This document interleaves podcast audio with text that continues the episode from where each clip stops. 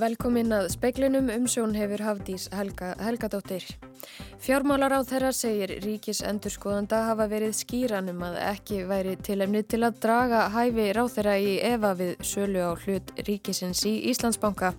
Umbásmaður Altingis krafði fjármálar á þeirra svara um hæfi hans þegar að fadir ráð þeirra keifti í hlut ríkisins í bankanum.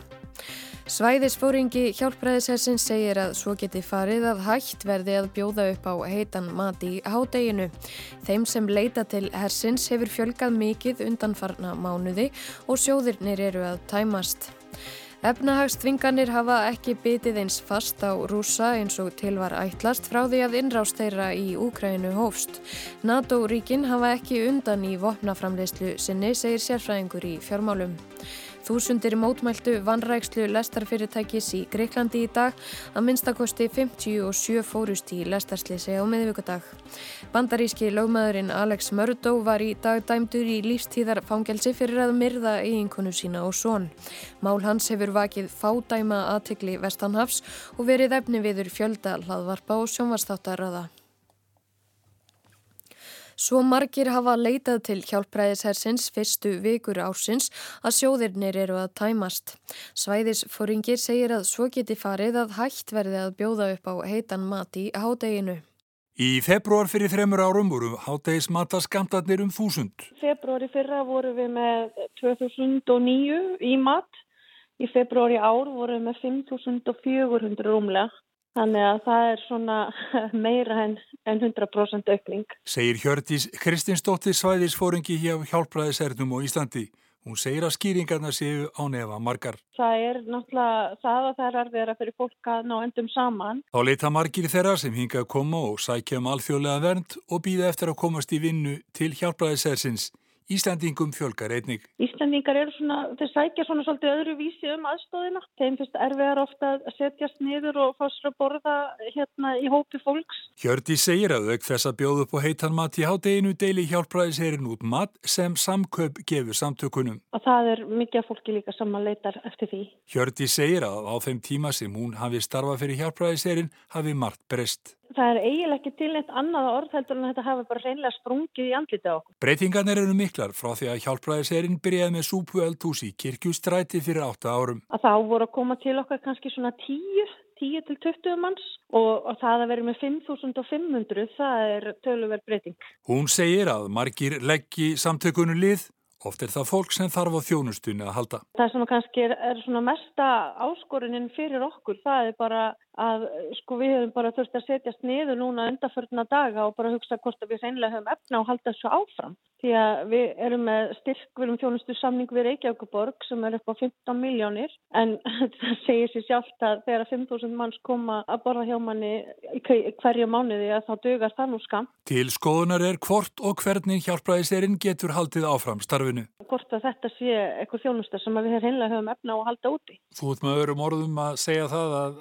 svo geti farið að þið verði hreinlega bara að hætta þessu? Ég er svona að segja það allavega að sjóður okkar eru allavega orðin frekar þurrir núna eftir það að sagt, eftir, eftir að aðsóknin hefur aukist svona mikið. Það er það sem ég er að segja og við þurfum svona að bara velta því fyrir okkur hvort að þetta sé eitthvað sem við reynilega getum haldið út í lengur, já. Saði Hjördís Kristinstóttir Arnar Björnsson tók saman. Nauðsilegt er að bjóða upp á sólarhengs þjónustu fyrir heimilislusar konur til að minka líkur á að þær verði fyrir ofbeldi. Ekkert úræði er til fyrir heimilislusar konur sem eru í neyslu yfir daginn þar sem konukot er bara opið yfir nóttina. Í Reykjavík eru þrjú gistiskili fyrir heimilislösa, tvö fyrir karlmenn og konukot sem er bara fyrir konur. Verilegu aukning hefur verið í nýtingu konukvots á síðustu tveimur árum eða alltaf 88% aukning frá 2020 til 2022. Framkymur í skýslu starfsóps Reykjavíkuborgar um heimilislaust fólk og heimilisofbeldi að heimilislausar konur séu sérlega útsettar fyrir ofbeldi. Haldóra Dýrleifar Gunnarsdóttir, sérfræðingur í jafnbrettismálum, leti starf hópsins. Hún segir heimilisleysi hvenna oft falið þar sem þær fái oft að gista hjá öðrum. Við þurfum að hafa það í huga að það eru margar konur sem einhvern veginn uh, eru í raun að vera heimilislösa það þegar búið ekki í trygg húsnæði og eru þá í raun að vera kannski einhvern veginn að láta ákveða ofbeldi í þessi ganga. Er leita í húsaskjól en uh, verða þá kannski fyrir ofbeldi þar sem er fá inni? Já nákvæmlega. Gistiskílin eru bara opinn á kvöldin og nóttunni. Önnur úrræði eins og hvenna atkvarfið eru ekki ætluð konum í neyslu. Heimilislisar konur sem eru í neyslu eiga því ekki í neyn örug húsnæða venda yfir daginn. Þá ertu einhvern veginn í ótrygg og ástandi yfir daginn. Það sem við teljum að sé mikilvægt er til dæmis að koma upp einhverju atkvarfi sem er opið allan sólaringin. Á öðru Norðurlöndum þá hafa verið sett að fóð sérstu hvernaatkvar sem eru ætluð konum sem eru í neyslu. Segir Haldóra Dýrleifar Gunnarsdóttir, Alma Ómarsdóttir talaði við hana. Bandaríski lögmaðurinn Alex Murdo var í dag dæmdur í lífstíðarfangelsi fyrir að myrða eiginkonu sína og són. Hann framdi ódæðisverkin þegar upphafði komist um umfangsmikinn fjárdrátt. Bandarískir fjölmilar hafa fylst ítarlega með réttarhöldunum yfir Alex Murdo sem stóðu í rúman mánuð og skildi engan undra. Murdo var höfuð fjölskylduveldist þar sem krúnudjásniðið er einn stæsta og hinga til virtasta lögmannstofan í hennu svo kallaða Low Country svæði í söðu Karolínu. Hann var sakveldur fyrir að hafa ráðið eiginkonu sinni og síni, þeim Maggi og Pól Murdo, bana á lóð fjölskyldunar í júni 2021 Nokkrir mánuður liðurendar frá morðunum þar til Mördó lendi sjálfur undir smásjá lauruglu og má segja að hann hafi komið sér þangað sjálfur. Hann hafi þá fengið fyrverandi skjólstæðing til að skjóta sig í höfuðið en það mistókst. Skoti geigaði, Mördó særðist á höfði og gaf sér síðar fram við lauruglu sem hófur ansókn á myndu tryggingasvindli. Þá komi ljós að hann hafði um ára bil glýmt við eitulefjafíkn, fíkn sem hann fjármagnaði með því að draga sér fjö frá lögmannstofunni. Þar höfðu menn komist á snóður um þetta og krafið um endurgreðslu. Við réttarhöldin heldur saksóknara því fram að Alex Murdo hefði með morðunum ætlaði að kaupa sér tíma og samúð og dreifa aðtikli frá eigin fjórdrætti. Sjálfur saðan að menn sem innu gegn honum hlítu að hafa framið morðin. Eftir þryggja tíma yfirlegu ákvaðu kviðdómendur í Volterboró að sakfella Murdo og mun hann sitja inni fyrir lífstíð. Málaferlu Mördós er þó langt í frá lokið en á eftir að rannsaka fjárdráttin til hlítar og ekki ólíklegt að dularfullt andláta ráðskonu á heimilihans árið 2019 þartnist frekari skoðunar. Um allt þetta geta aðdáendur sannra sakamála fræðst í hennum ímsu hlaðvörpum og heimildatháttum sem hafa verið framleitir um lífslaup Mördófjölskyldunar meðal annars á Netflix og HBO Max. Alexander Kristjánsson sagði frá. Þúsundir mótmæltu vanrækslu lestar fyrirtækis í Greiklandi í dag. Það minnst að kosti 57 fórust í lestarslýsi á miðvíkudag. Yfir 5.000 manns söpnuðust saman við höfustöðvar gríska lestarfyrirtækisins í aðhennu til að mótmæla vanrækslu í öryggismálum þess. Þúsundir grískra nema mótmæltu í öðrum borgum landsins og fyrir í daglétu starfsmenn lestarfyrirtækisins niður störfi í mótmælaskinni. 350 manns að stórum hluta nemar á 30-saldri voru í farþegarlestinni sem lendi framann á flutningalest. Stöðvarstjóri sem hefur verið kærður fyrir mandráp og vanrækslu hefur gengist við brotinu en almenningur segir þetta, van, eh, segir þetta á vanrækslu stjórnvalda.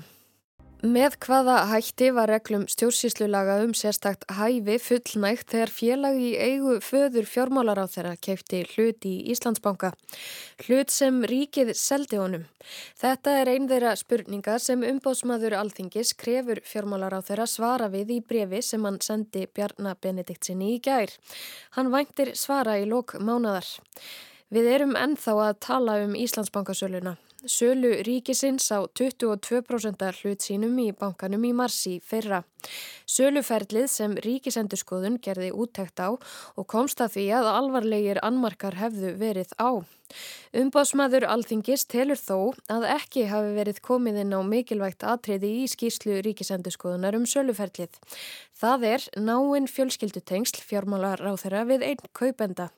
Umbásmaður segist ekki fá ráðið í skýrslu ríkisendurskoðunar að fjallað hafi verið sérstaklega um sölu á hlutum í Íslandsbanka til Hafsilvurs EHF, félags í eigu Benedikts Sveinssonar, föður Bjarnar eða álita málum hæfi fjármálar á þeirra í því samhengi. Hæfi fjármálar á þeirra til að selja föður sínum hluti í eigu ríkisins. Umbóðsmaður Óskar einnig eftir svörum bjarna um það með hvaða hætti undirbúningi sölumeðferðarannar var hagað þannig að tryggt væri að gætt yrði reglna í öðrum kabla stjórnsýslulaga um sérstakt hæfi. Í þeim kabla eru meðal annars greindar eftirfarandi vanhæfis ástæður. Ef að sá sem umræðir er eða hefur verið maki aðila, skildur eða maðgur aðila í beinanlegg eða öðrum lið til hliðar eða tengdur aðila með samahætti vegna ætlaðingar. Sem sagt, ef pappiðin er hinum einn borðsins er ekki fráleitt að víkja vegna vanhæfis. Umbóðsmaður bendir á að hinnum sérstöku hæfisreglum stjórnsýslulaga sé ekki aðeins ætlað að koma í veg fyrir að ómálemnaleg sjónarmið hafi áhrif á efni stjórnvalds ákvarðana, heldur einnig að almenningur og hlutaveigandi geti treyst hlutlægum úrlausnum stjórnvalda. Hann byður því fjármálar á þeirra að skýra hvort og þá hvernig reglum lagana um sérstakt hæfi hafi verið fullnægt við söluna til hafsilvurs. Þetta hafði Bjarni Benediktsson fjármálar á þeirra að segja um málið fyrir tæpu ári síðan. Salan á Íslandsbanka uh, vissiru að fadirðin hefði keift hlut í bankanum? Nei, ég sá það nú bara fyrst í gær þegar gögnin bárust frá bankasýslunni að það var hlutafélag uh, hans á uh, list eftir þá sem fengu útlutað í, í útbóðinu. Og hvað finnst þér um það? Já, ég auðvitað skila það veki spurningar hjá fólki en, en um, í ljósi þess að ég hef ekki komið með nokkurum hætti að því að, að ákveða útlutun til einstakra aðila heldur giltum það almennar gegnsæði reglur að þá finnst mér það alveg geta staðið skoðun. Sagði fjármálar á þeirra í viðtali við fréttastofu Rúf 7. apríl í fyrra. Sama dag og málið allt saman blés svo að segja upp.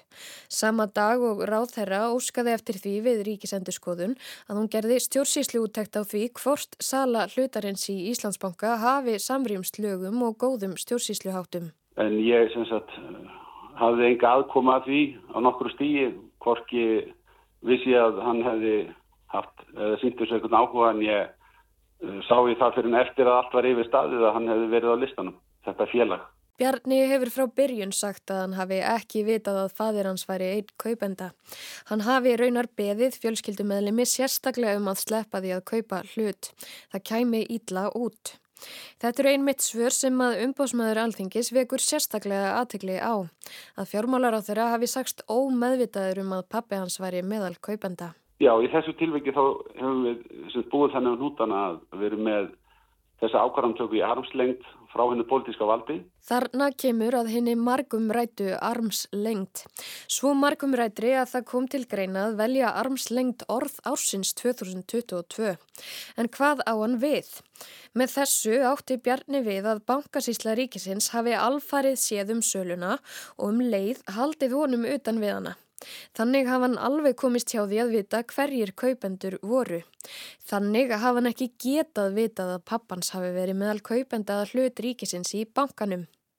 Sú bankasísla sem ríkistjórnin lagði til við alþingi að þeirði lögð niður í kjölfar Íslandsbankasölunar sem var ákveðið að gera. Salan stóð ekki undir væntingum ríkistjórnarinnar. Fjármálar á þeirra skipar sjálfur stjórn bankasíslunar og bankasíslan vinnur svo eftir samþyktum og stefnum fjármálar á þeirra. Því hefur umrætt armslengt líka verið um deild. Sem er nokkuð sem umbáðsmaður alþingis vill fá svör við. Það er að segja að hann óskar eftir raukstutri afstöðu bjarna til þess hvort fjármálar á þeirra hafi borið lagalega og stjórnskipulega ábyrð á því að söluferlið samræmdist lögum. Og þá er spurning hvort ráð þeirra gat axlað ábyrð ef honum var haldið í algjörri óvissu. Samkvæmt lögum um sölumeðferð eignarhluta ríkisins í fjármálafyrirtækjum sem umbóðsmaður vísar til í spurningu sinni ber bankarsýslu ríkisins að annast sölumeðferð eignarhluta fyrir hönd ríkisins en fjármálar á þeirra ber samkvæmt sömu lögum að taka loka ákförðun um það hvort tilbóð skuli samþygt eða þeim hafnað og undirrita samninga. Umbóðsmaður Alþingis segir að ekki verði séð að stjórnskipunar og eftirlitsnemnd Alþingis hafi tekið raukstuta afstöðu til þessa þáttar í umfjöllinsinni um skýslu ríkisendurskoðunar. Þórun Sveinbjarnardóttir, formaður nemndarinnar, sagði það rétt hjá umbóðsmanni í háteisrættum fyrir í dag. Fjármálar á þeirra gaf ekki kost á viðtali en segir í skriflegu svari að komið hafi skýrt fram í máli ríkisendurskoðanda fyrir þingnemnd að hann hafi ekki séð neina ástæðu til að gera aðtöðasemdir viðræðir við hæfi ráþeira. Í einslæginu heyrðust brotur viðtali við Bjarnar Benediktsson frá því 7. apríl í fyrra.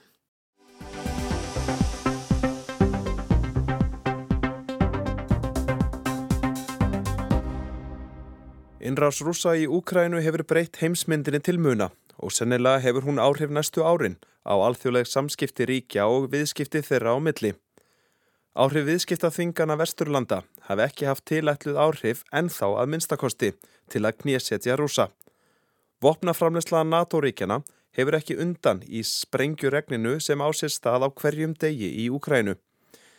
Ásker Brynjar Torvarsson, sérfræðingur í fjármálum, segir greinilegt að vopna kapplöp sé hafið. Það er verið að byggja vesmiður fyrir utan Hamburg, Östuríki og Fraklandi gerina saman sló menni að gera stóra vesmiður þannig að og bandaríkinn náttúrulega gífurlega stóra það, það á síðast ári jógst framleiðslan í þeim vesmiðum sem var til með því að setja á vaktir og, og nætuvaktir til að halda í við þetta en núna er hreinlega verið að byggja upp framleiðslu getur til að auka þessa hergagnarframleyslu sem er svolítið svona ógulögt og það búið til við svona hafugst líka. Mm. En þú segir ríkin er að ganga á börðið sínar, hversu stórar eru þær, hversu lengi geta þær haft undan? Já, það nú ekki allavega í viðskiptafjölmjölunum sem ég les alveg komið svo nákvæm byrðastaðan en, en, en það ljóst að, að er, byrðinar er að minka allstaðar þannig að það þarfa fylla á og það sem er framleitt núna dugar ekki til að halda í. Þess vegna er farið í að setja upp nýjar vesmiður og bandarækjumenn til dæmis jökum helming eh, sína framleyslu úr einhverjum 14.000 skotum í 20.000 skot á mánuði.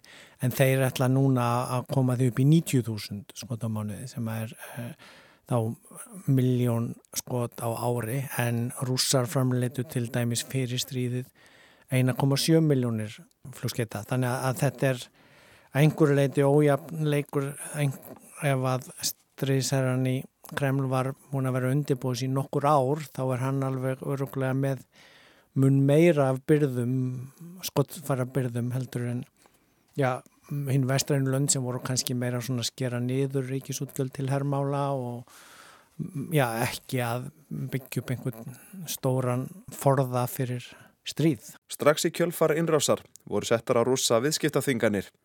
Þar hafa ekki bitið eins fast og til var ætlast, en bætist í þvinganirnar til að mynda hjá Europasambandinu og bandaríkunum. Langtíma áhrifin hafa verið að koma fram síðan um áramót. Verð á úralólju hefur til að mynda falli hratt með að við barentsólju senustu vikur. Það er eh, kannski ekki einfalt að fylgjast með þessu en þær eru að hafa áhrif þó að það taki meiri tíma en þær ullu ekki uh, svona samanfalli efnarslífsins í Rúslandi. Ég vel þó að öll uh, vestrænu fyrirtækinn dróði sér þann út að þá að bara tóku innlendir aðeinar við mjög miklu af þeirri framlegslu. Það er einna helst kannski bílaðinarinn sem hefur ekki náð sér upp en, en, en svo gengur herrgagnaframlegslan í Rúslandi dag og nótt. Þannig að ef menn byggus kannski við 15-20% efnarsamdrætt í Rúslandi þá var það bara um 2-3% mm -hmm. sem er minn en Breitland sko. og fyrir hérna almenna rúsa þá er þetta minni efnags samdráttur heldur en í fjármálurinu eða í COVID eða, eða 98 þannig að það hefur tekist vel varnar við bara rúsnanska selabankans eh, með því að setja á höft og með því síðan náttúrulega að uh, nýta allar tekjunar á volju og gasi bent inn í ríkisjóð til að fjármagna stríðið þá eru þeir ennþá allavega efnaðaslega að koma vel út úr þessu en bráðum þurfa fljóðvilarnar að fá vara hluti sem þeir get ekki tekið úr öðrum fljóðvilum og þurfa þá að fara möguleg eitthvað að draga úr þeim. Þannig að, að, að uh, oljan þurfum við að fylgjast með bara hvernig muni ganga að halda svona mismunandi verða á olju og auðvitað getur hún flætt í gegnum, gegnum Kína eða Ég vil samt ekki allavega afskrefa þeir eða við vitum ekki hvernig hefði verið ef þeim hefði ekki verið beint þannig að þetta er þetta er bara svolítið svona ógulegt að sjá hvernig stríðsreksturinn eiginlega flist tölverkt mikið inn á því efnaðslega svið. En hefur rúsum tekist með einhverjum hætti að komast fram hjá þessum höftum? Já, já, það var að koma út e, skísla frá Evrópska endurbyggingar og þrónabankanum þar sem að e, kom mjög skýr samdráttur í ljós í milliríkja viðskiptum millir Rúslands og Kvítarúslands annars vegar við Bandaríkin og Europasambandi hins vegar það sem að dróst inn og útflutningur þessar að tveggja blokka hverju meginum saman um helming og allt upp í 90% en á móti kemur á nágrannalöndin eh, að þau eh, Armenia, Kyrkistan Tatsikistan, þau sjá að þar sjáum við gífurlega aukningu á viðskiptum þannig að, að það er auðvelt og jável Georgi og Kazakstan auðvelt að gíska á að þarna séu viðskipt að fara í gegn yfir, yfir og, og til Rúslands síðan. Og það uh, eru sögur af, af vöruflutninga, bíla, lestum yfir úralföllin og með fullar af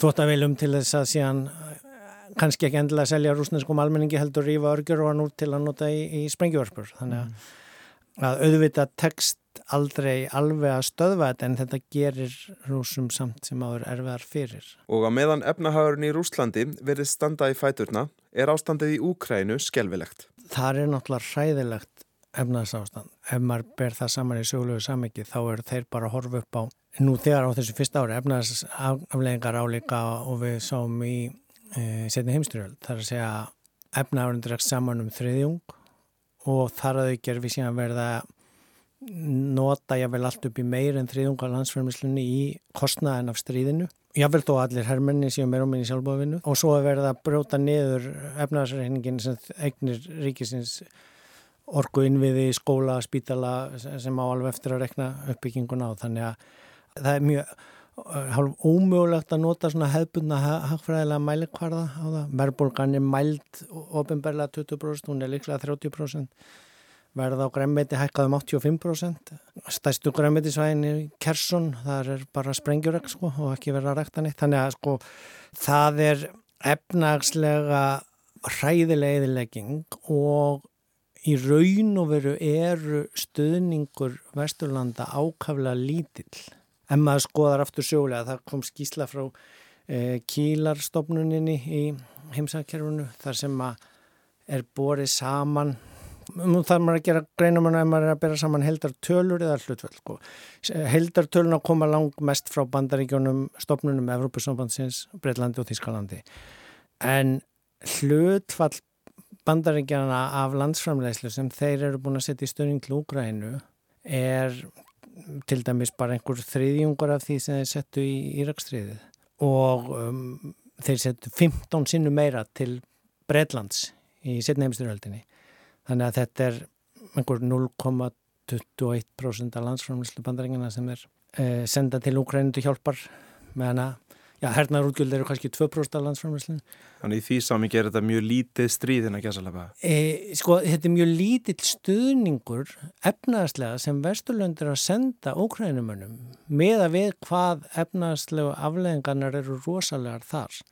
Þannig að maður getur svona veld fyrir sér og hvort að þar sé hræðisla við að hjálpa þeim of mikið af því að þá er einhver ógn af brálaðingunum í Kreml hvað hann mun þá gera. Þannig að, að sko rúsanir senda unga menn úr fátökum héruðum og bjóða fóröldrónum háar lífeyrisgreðslur uh, og það er á hvaðið fallbössu fóður. Uh, spurningin sem við þurfum kannski að velta fyrir okkur hérna megin er, eru Vesturlönd að styðja Úkrænu bara rétt svo til þess að þau haldi í horfinu á viklínunni en ekki, já, að gefa þeim allt sem þarf til að vinna, herrganglega séð, en ég er nú aðalega einblýna hér á efnaðarslega stunningi séð að hann er í raun og veru ekki alveg í samræmi við, hvað maður að segja, orðin og, og, og, og hinn móralska stunning og fréttaflutningin af því hvað við stöndum öll með baróttu úkrænum manna fyrir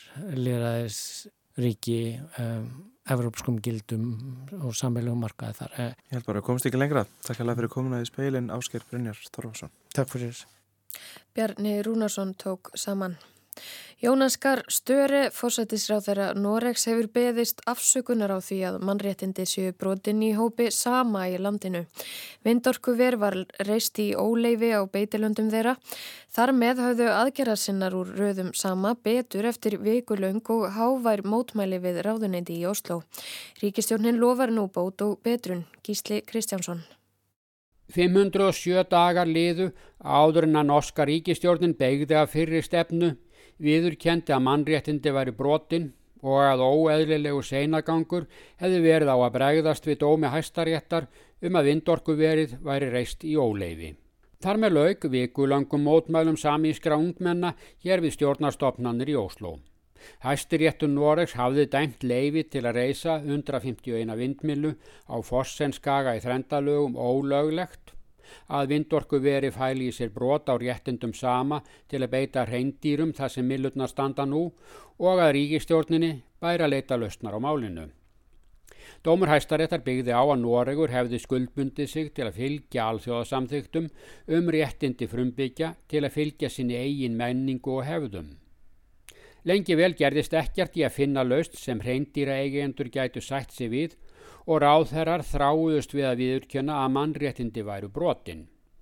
Það var ekki fyrir Jónaskar Störi fórsættisráðherra tók málið í sínar hendur að viðurkenning á mannréttindabrotum kom fram. Ja, denne dommen eh, den slår fast eh, at eh, konsesjonen sånn som den er gitt krenker de rettighetene som samene har etter de konvensjonene vi skal følge, og at det er et brudd på menneskerettighetene. Så svaret på det er ja. Eh, Já, samkvæmt dóminum leiðir heimildin til virkjunar eins og hún er gefin út til brota á réttundum sama samkvæmt þeim samþyktum sem við eigum að fylgja. Svo það er brot á mannréttundum, sæði fórsættisráþra við fjölmila nú í morgun. Þetta er sigur, eða í það minnsta áfangasigur, fyrir fjölda ungra sama sem ákvaði fyrir viku að loka aðgangi að stjórnarbyggingum hér í Óslo og knýja fram viðkenningu á að dómur hæstaréttar gildi og að ráðherrum bæri aðbyggjast afsökunar á að meirinn 500 dagar var liðnir í aðgerðarleysi af hálfu ríkistjórnarinnar. Stöð fjölgaði í hópi mótmælanda og ími samtök náttúruvenda sinna bæði innanlands og utan bættust í hópin. Reynd var að handtaka saman og setja þá í varðhald og hóta háum sektum. Tólf þeirra sátu inni þegar ríkistjórnin gaf loks eftir. Terje Ósland, orkur á þeirra, hafði ítrekka neitað að svara spurningum um hvort mannréttindi væri brotin og neitað að bjöst afsökunar á seinaganginum við að fylgja eftir dómi hæstaréttar. Hann baðst svo lokum afsökunar í gær. Krafana var einnig um að vindmilutnar erðu feldar en það standa enn og snúast. Fórsættisir á þeirra viðurkjörn samt að á meðan svo er og ekki er samið um úrlöst haldi mannréttindabrotin áfram. Þetta er einn erfiðasta raun sem ríkistjórn Jónarsakar Störi hefur ratað í. Núna lofar hann tíðum samráðsfundum um ásættanlega laust. Hann útilokkar ekki að orkuvinnsla í verinu verði stöðvuð um tíma og ekki heldur að hluti þess verði rifin. Þá fer Störi til fundar við sama og finnmörku strax eftir helgi. Tótnin er allur annan nú en var í gær. Allir flokkar á stórþinginu voru á sínum tíma mjög áfram um að reysa vindorkuverið sem átt að verða hitt stæsta á landi í Evrópu. Vinna hófst árið 2016 en um leið kærðu samar ákverðununa um virkun vinds á beitilöndum þeirra. Samar töpuðu bæði fyrir hérastóm og landsrétti en fjölskipaður hæstiréttur snýri fyrir dómum við. Ellefu dómarar voru einu málum að mannréttindi væru brotin. Núna var mótmælum hætt fyrir í dag þegar ungliðarnir settust fyrir framand konungshöllina meðan ríkisráðshundur var haldin innan dýra. Og svo býða menn átækt á sjá hvort ný stefna ríkistjórnarinnar skila nýðustöðu sem stennst dóm hæstaréttar. Gísli Kristjánsson tók saman. Og það var helst í speiklinum í dag að fjármálar á þeirra segir ríkisendur skoðanda hafa verið skýranum að ekki væri tilefni til að draga hæfi ráð þeirra í EVA við sölu á hlut ríkisens í Íslandsbanka. Umbóðsmaður Alþingis hefur krafið fjármálar á þeirra svara um hæfi hans í bankasöluferlinu þar sem fadir hans var einn kaupenda. Svæðisfóringi hjálpræðishersin segir að svo geti farið að hægt verði að bjóða upp á heitan mati í hádeginu. Þeim sem leita til til hersins hefur fjölgað mikið undan farna mánuði og sjóðirnir eru að tæmast. Efnahagsþvinganir hafa ekki bytið eins fast á rúsa eins og tilvar ætlast frá því að innrást þeirra í Úkrænu hófst. NATO-ríkin hafa ekki undan í vopnaframleyslu sinni. Þetta segir sérfræðingur í fjármálum. Nauðsynlegt er að bjóða upp á sólarhingstjónustu fyrir heimilislausar konur til að minga líkur á að þær verði fyrir ofbeldi. En fleira er ekki í speiklinum í kvöld. Góða helgi og veriðið sæl.